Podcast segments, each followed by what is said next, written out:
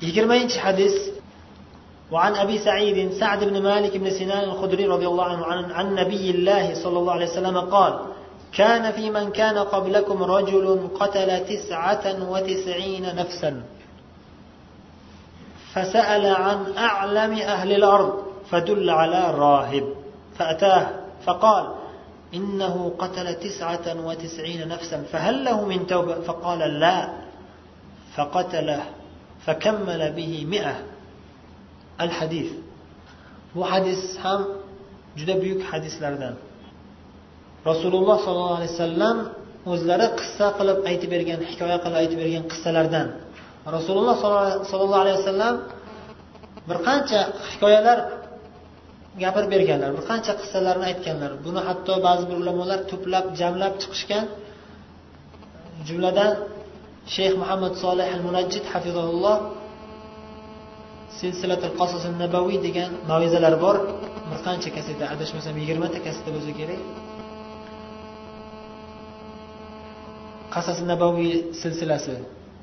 Nabaviy qissalar silsilasi degan. Nabaviy qissalar degani ya'ni payg'ambarimiz sollallohu alayhi vasallam hikoya qilib bergan qissalar degan. Bu qissalar hammasi haqiqat ba'zilar o'zicha tasavvur qilib xayolparastlik qilib yozgan narsa emas aslo. Qur'onda kelgan hadisda kelgan qissalar hammasi haqiqat va farqi shundaki boshqa qissalar bilan qur'oniy nabaviy qissalarni farqi shundaki bir qancha farqlar bor. Eng asosiy farqlardan biri haqiqatligi yuz foiz haqiqatligi. Ikkinchidan bema'ni joylarni zikr qilinmasligi. Foydali joylarni zikr qilinadi ibratli joylarni zikr qilinadi. Kerakli joylarni zikr qilinadi. Keraksiz joylarni tashlab ketilaveradi. U keraksiz bunaqa narsalar zikr qilinadigan bo'lsa million million mujalladan ham kifoya qilmaydi. Minglab yillar o'tgan qancha voqealar bo'lgan cheksiz.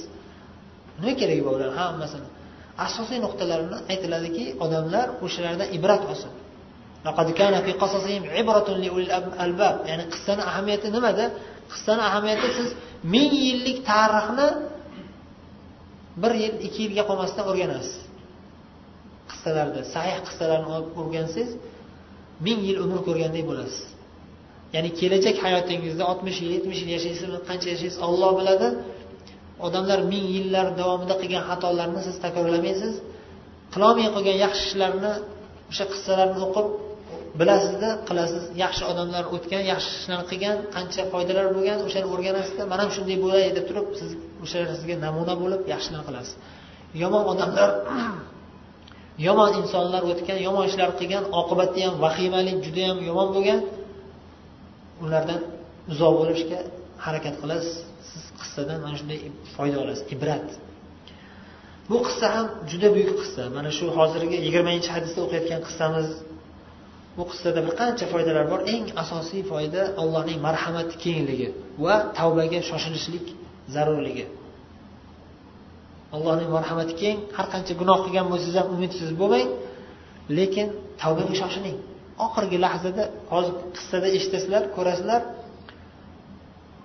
Bir necha soniya ajratadi xolos bu odamni do'zaxdan qutqarib qolishiga qutulib qolishiga bir necha soniya ta'sir qiladi xolos. Bilmay qolasizda siz ajalingiz qachon kelishini bilmaysiz. Hozir kelib qolishi mumkin. Bir daqiqa ham o'tmasdan o'lib qolishingiz mumkin bilmaysiz. Samolyotga bilet olgan bo'lsangiz soat birda kelish kerak bo'lsa aeroportga bir sekund bir minut bir kech qolsangiz ham bo'ldi o'sha biletingiz kuyib ketadi yoki umuman samolyotdan qolib ketasiz qancha ishlaringiz qolib ketadi bilasiz qadr qimmatligini. Shuning uchun ertaroq kelib turasiz. Bir minut kech qolsangiz zarar qilsa shuni bilasizda bir minut kech qolmasligi uchun bir soat erta kelib turasiz. Bilmayman yo'lda nima bo'lib qoladi deb turib. Samolyot uchishidan ikki soat uch soat oldin aeroportga borib turasiz. Chunki ko'p qissalarni eshitgansiz. Ozgina kech qolganligi uchun kompyuterlarni bekitib bo'ldi qabul qilmaymiz deb turilgan biletlari kuyib ketgan odamlar o'zim ham ko'rganman sizlar ham eshitgansizlar ko'rgansizlar. Bir sekundli yo yo'li yo bu yoqli bo'lishini bilib o'shani oldini olib bir soat ikki soat oldindan harakat qilib odamlar borib turadi. O'zini dunyoviy foydasi uchun. Lekin ko'pchilik dinini o'ylamaydi.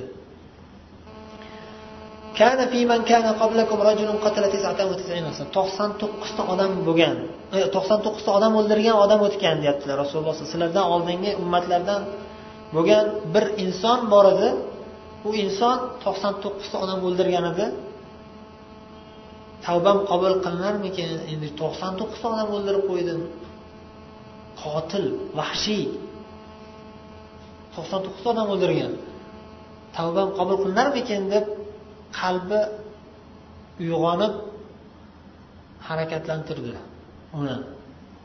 Kimga borib so'rasam kimga borib tavba qilsam bo'larkan alloh tavbamni qabul qilarmikin deb kim bilishi mumkin? Ulamolar biladi deb turib o'zini aqli bilan topdi kim bilishini. Alloh insonga aql bergan ilm bu nur. Bilgan bilmagan bilan barobar bo'lmaydi. Olloh qur'onda xabar bergan va inson o'zi aqli bilan ham biladi. Bilgan odamdan so'raysizda bilmagan odamdan borib so'ramaysizku. Hech qachon bir odam kasal bo'lib qolsa doktorga boradi hech qachon ko'chadagi farroshga bormaydi. Man kasal bo'lib qoldim davolab qo'yadi nimaga? Chunki bu bilmaydi. Kasal nima qanday davolanadi bilmaydi. O'zini mutaxassisiga boradi. Shunga o'xshab din ishlarida oxirat ishlarida kim biladi? Ulamolar islom ulamolari bilishadi din ulamolari bilishadi. Har bir inson o'z aqli bilan biladi buni. Bu ham to'qson to'qqizta odam o'ldirgan qotil aqli bor o'yladida kim bilishi mumkin mani tavbam qabul bo'lish bo'lmasligini ulamolar biladi. Qur'on hadis endi payt qur'on bo'lmaganku endi. Tavrot bo'lgan bo'lsa tavrotni bilgan ulamolar bilishadi deb bordi qidirdi.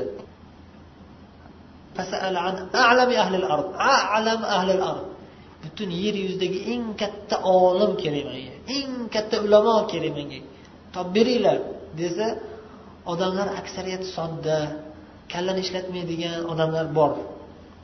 O'zi bergan olloh bergan aql bor. Ko'pchilik zanglatib qo'yadi buni ishlatmaydi. Manga eng katta olimni ko'rsatinglar manga eng katta ulamoni ko'rsatinglar deb so'rasa ibodat bilan shug'ullanayotgan bir obidga rohibga yuborishdi. Falonchi joyda falon imoratda bir rohib odam bor.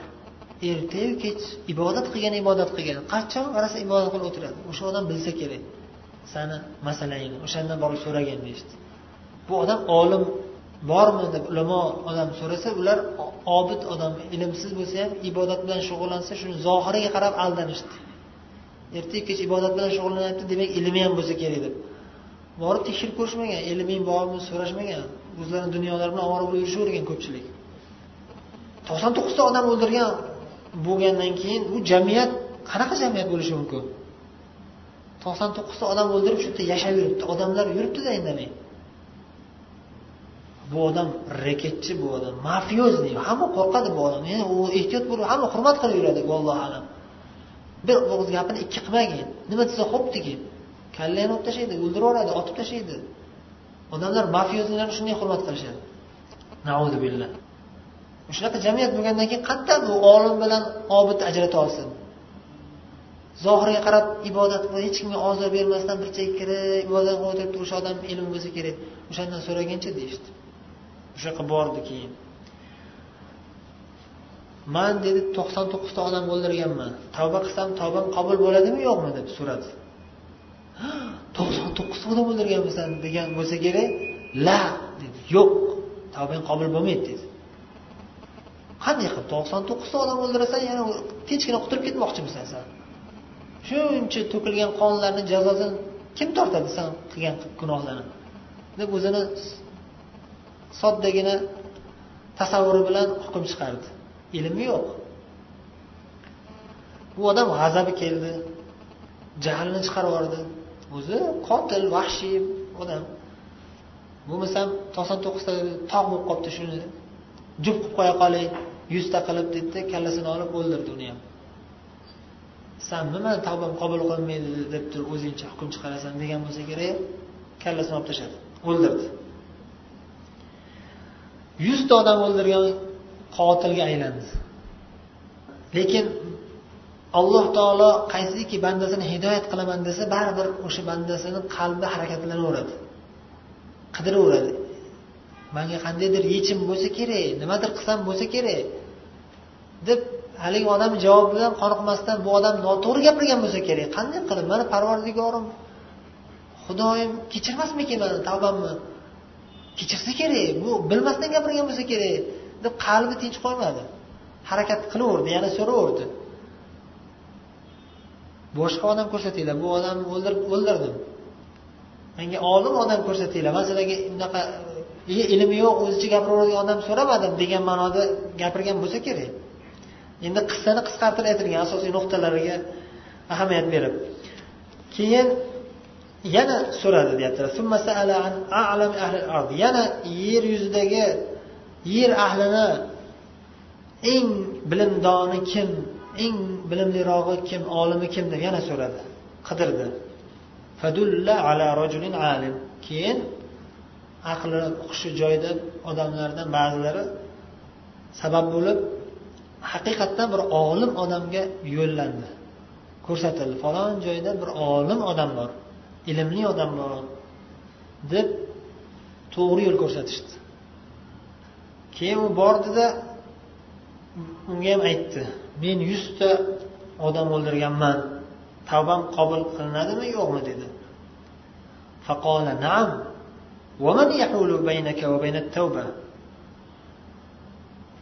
Albatta seni tavba bilan orangni ajratib turish mumkin bo'lgan kim bor? Hech kim yo'q. Seni nima tavbadan to'sishi mumkin? Hech narsa to'smaydi seni tavba qabul tavba qilsang tavbang qabul bo'ladi lekin sharti bor deb so'zida davom etdi bu olim. Olim kishi biladida tavba qanday qilinishi kerak? Tavbani shartlari nima? انطلق إلى أرض كذا وكذا فإن بها أناسا يعبدون الله تعالى فاعبد الله معهم ولا ترجع إلى أرضك فإنها أرض سوء falon qishloqqa borgin falon yerga borgin ana shu yerda shunday bir odamlar borki alloh taologa ibodat qiladigan yolg'iz allohga ibodat qiladigan haqiqatda solih yaxshi insonlar bor Allohga o'shalar bilan birga qo'shilib birga ibodat qilgin. Sen mana shu yerda yashab katta bo'lgan mana shu yerda yashab qilgan jinoyatlar qilgansan shu jinoyatlar qilgan yeringga qaytib kelmagin. Bu jamiyatga qaytib kelmagan chunki bu yer yomon yer. Sen yuzta odam o'ldirib katta bo'lgan joying bu yaxshi joy emas bu yomon joy bu. Bu judayam vabo kasal tarqagan jinoyatlar qilsa ham bemalol yuraveradigan bir judayam yomon yer bu. Bu yerdan chiqib ketgan hijrat qilgin degan ma'noda aytdi. Bu bu qissada ham mana shu nuqtasida ham juda katta dars bor. Haqiqiy tavba bo'lish uchun odam o'sha gunoh masiyatlar jamiyatdan qutulish kerak muhitdan. Jamiyat deganda faqat odamlar yoki faqat yer emas umuman shunaqa gunoh ishlarga yordam beradigan gunohlarga tortadigan sabablardan qutulish kerak. Xoh uni o'rtoqlari bo'lsin gunohga tortadigan o'rtoqlari bo'lsin xoh gunoh ishga tortib ketadigan vasilalar bo'lsin ana shu narsadan qutulish kerak. Mana shu olimni nasihatiga quloq soldi. Ya'ni haqiqatdan tavba qilmoqchi bu odam.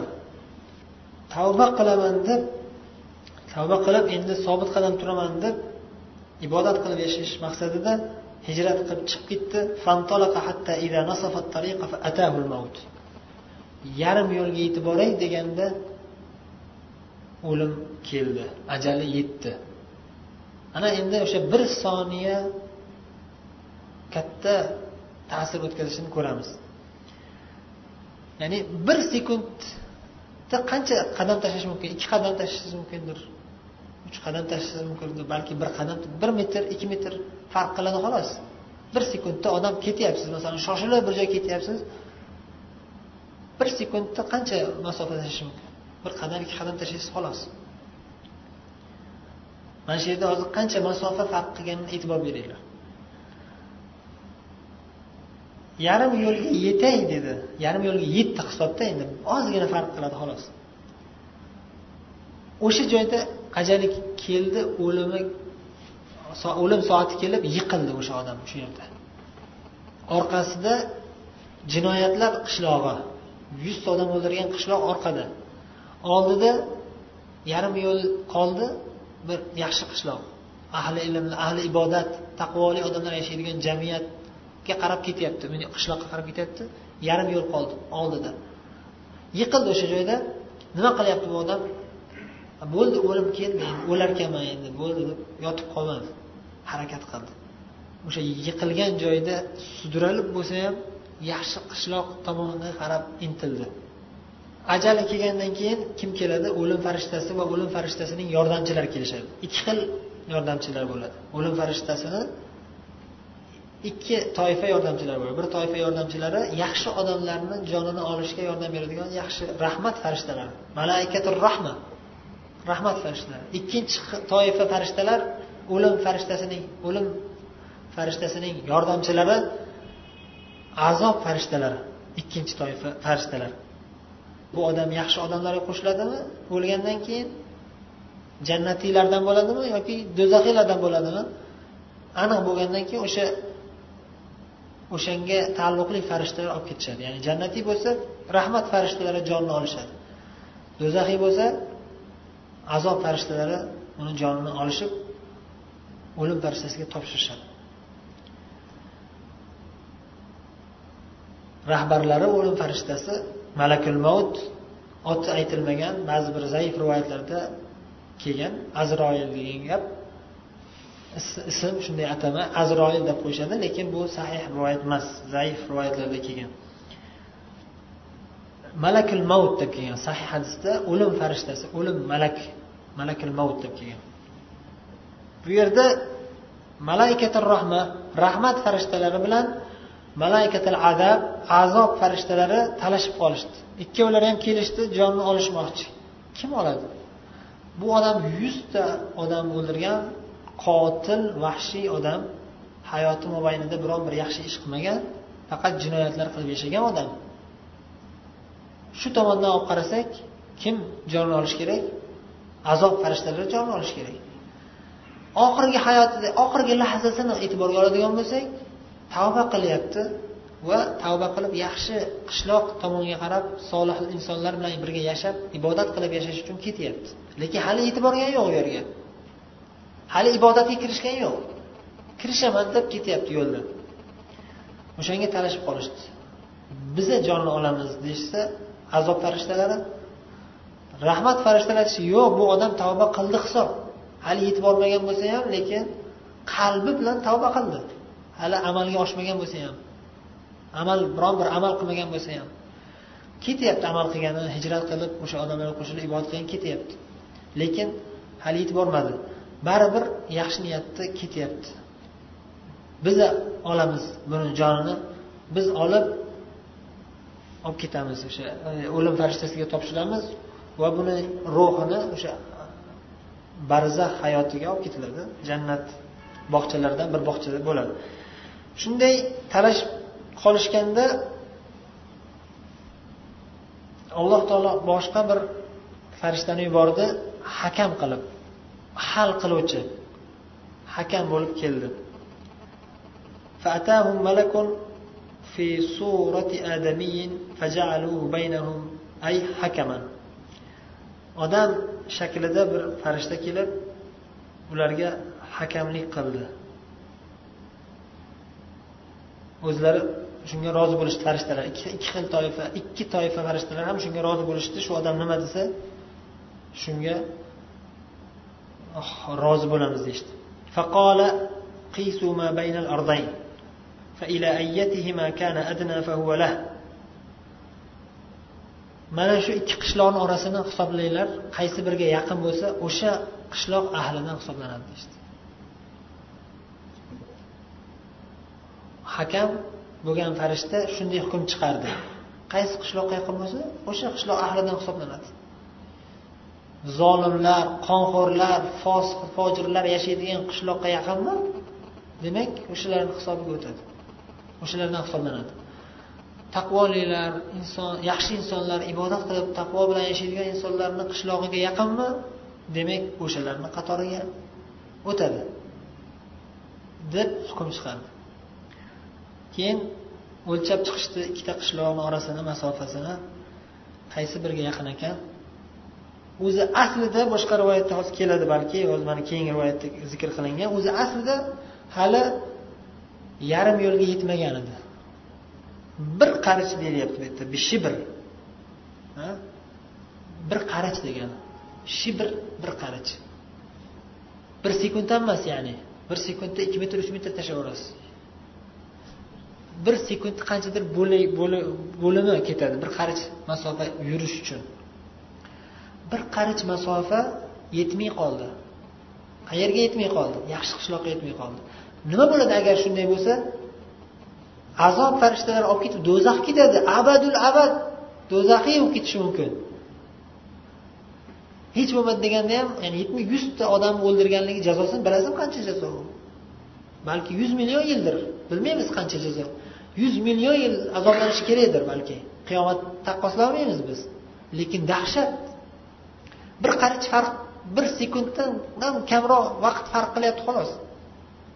Tavbaga shoshilishlik ahamiyati bu yerda tavbaga shoshildi bu odam.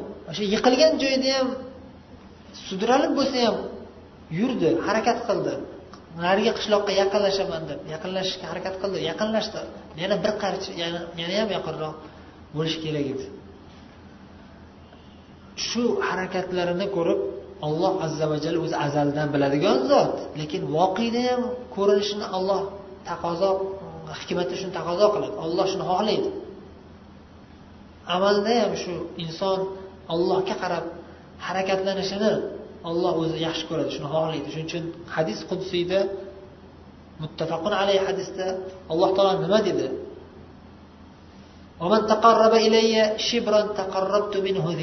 Dedi.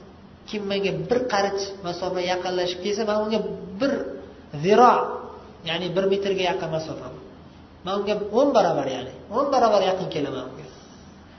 Bir ya'ni bir qadam tashlasa man o'n qadam tashlab yaqinlashaman manga. Ya'ni siz ollohga yaqinlashsangiz sizni olloh yana ham yaqinlashtiraveradi o'ziga. Atani manga oddiy yurishlik bilan yurib kelsa man unga yugurib kelaman dedi olloh bu ollohni so'zi hadis qudsiy kayfiyati bilmaymiz. Olloh shunday deyapti. Olloh o'zini bandasini tavbasini yaxshi ko'radi. O'tgan hadislarda ham o'tildi. Riyoz solihinni avvalrog'ida tavba bobi boshida keldi. Eng qattiq xursand bo'ladigan zot tavbasi bandani tavbasi bilan eng qattiq xursand bo'ladigan zot olloh olloh o'zining bandasini tavbasini yaxshi ko'radi. Shuning uchun bu yerda ham alloh taolo o'z bir mo'jizini o'zining bir mo'jizasini ko'rsatdi. Nima qildi? Yomon qishloqqa aytdiki bir qarich ikki qarich uzoqlashgin dedi. Yaxshi qishloqqa vahiy qilib ya'ni ilhom qilib aytdiki san bu odamga qarab yaqinlashgin dedi. Ozgina. Bir qarich faqat keyin yaxshi qishloqqa yaqin bo'lib qoldi. Bir qarich faqat. Olloh hikmati bor. Juda buyuk hikmatli zot. Shunday bizga shu hikmatlardan birini ko'rsatyapti bu yerdaki ozgina narsa ta'sir qiladi. Kichkina narsa siz e'tiborsiz bo'lishingiz mumkin lekin o'zi aslida juda katta narsa bo'lib ketadi bu. O'shaning uchun tavbaga shoshilish kerak va yana bu yana boshqa bir sohada shuni ahamiyatini ko'ramiz. Masalan uchun tilga ehtiyot bo'lish masalasida. Sahih hadisda rasululloh sollallohu alayhi vasallam aytdilarki ba'zida siz bir yaxshi so'zni aytib uncha e'tibor bermasdan aytasiz. Yaxshi so'z yaxshi niyat qilib aytasiz yaxshi nasihat qilasiz iymoniy gap gapirasiz oddiy gap sifatida gapirasiz. Juda katta bir e, judayam hech kim bilmagan bir hikmatni yetkazayotgandek deb tasavvur qilmaysiz. Oddiy hikmat oddiy bir nasihat gapirayotgan bo'lasiz. Lekin ana shu gapingiz sababli alloh taolo sizni yetmish yillik darajangizni ko'taradi baland. Yana ba'zi bir odamlar bo'ladi bir kichkina bir g'iybat gap gapiradimi? Yoki bir kichkina bir chaqimchilik qiladimi? Kichkina bir gap gapiradi e'tiborsiz qaraydi. Oddiy narsaku bu nima deydi? Bu haqiqat bor gap bu deydi. Man yomon ish qilmayapman deydi. O'zi g'iybatligini bilsa ham chaqimchilik qilayotganligini bilsa ham yoki bema'ni gap gapirayotganligini bilsa ham oddiy narsa deb qaraydi lekin do'zaxga yetmish yillik masofa tashlab yuboradi jarliqqa do'zaxga yetmish yillik chuqurga tashlab yuboradi bitta so'z deyiladi kalima bitta kalima gapirib qo'yadi. Ha umi ha u. Deb hatto ko'zi bilan qisib pastga ursa ham juda katta gunoh bu. Falonchi borku o'zi ha umi o'zi shunaqa u. Shunaqa u. Boshqa gap emas.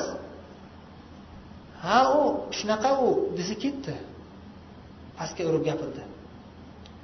Mana shu yetmish yillik masofaga teng keladigan masofa tashlab yuboradi do'zax chuqurligi. Hadisda rasululloh aytdilar. Bitta kalima. Shunga o'xshagan narsa bir qarich xolos. Bu odam harakat qildi olloh o'zi ko'rdi bu bandasini harakatini bir qarich yaqinlashtirib qo'ydi. Farishtalar hisoblab chiqishsa yaxshi qishloqqa bir qarich yaqin ekan. Azob farishtalari shunday g'azab bilan jonni sug'urib qiynab azoblab jonni sug'uramiz deb turgan farishtalar taslim bo'lishdi. Bo'ldi. Topshirdik sizlarga. Yumshoqlik bilan olib ketishdi uning jonini rahmat farishtalari malaikatur rahma. Rahmat farishtalari uni jonini olishdi. Keyingi rivoyat biz aytib o'tdik ya'ni fi rivoyatin fi sahih ya'ni sahihda ya'ni sahih buxoriy yoki sahih muslim. As sahih muhaddislarni istilohotlaridan bu. Foyda bobidan aytamiz. Jaa fi sahih yoki fi rivoyatin fi sahih desa mana shu riyoz solihinni qoidasi ibn hajarni qoidalari as sahih deb kelsa demak u yo sahih buxoriy bo'ladi yoki sahih muslim bo'ladi. Shu ba'zi bir rivoyatlarda sahih hadisda ba'zi bir rivoyatlarda sahih buxoriyda yoki sahih muslimda keladiki solih ahli solih bo'lgan qishloqqa bir qarich yaqin ekan tekshirib chiqishsa bir qarich yaqinlashib qolgan ekan shuning uchun ana shu yaxshi qishloq ahlidan hisoblanib e'tiborga olindi. وفي رواية في الصحيح أيضا يعني boshqa lafzda keladi فأوحى الله تعالى إلى هذه أن تباعدي وإلى هذه أن تقربي mana bu qishloqqa aytdiki alloh taolo san uzoqlashgin dedi yomon qishloqqa aytdi uzoqlashgin dedi yaxshi qishloqqa aytdiki sen yaqinlashgin dedi keyin hisoblanganda o'sha yaxshi qishloqqa yaqinlashgan bo'lgan bu rivoyatda keldiki uning gunohlari kechirib yuborildi yana bir rivoyatda ya'ni o'zini o'sha yerga yumalab qolganda ko'kragi bilan yerga yiqilib tushgandan keyin ham o'sha ko'kraklari bilan tirmashib yaxshi qishloq tarafga qarab intildi harakat qildi سبحانك اللهم وبحمدك نشهد أن لا إله إلا أنت نستغفرك ونتوب إليك وصلى الله وسلم على نبينا محمد وعلى آله وصحبه أجمعين والسلام عليكم ورحمة الله وبركاته.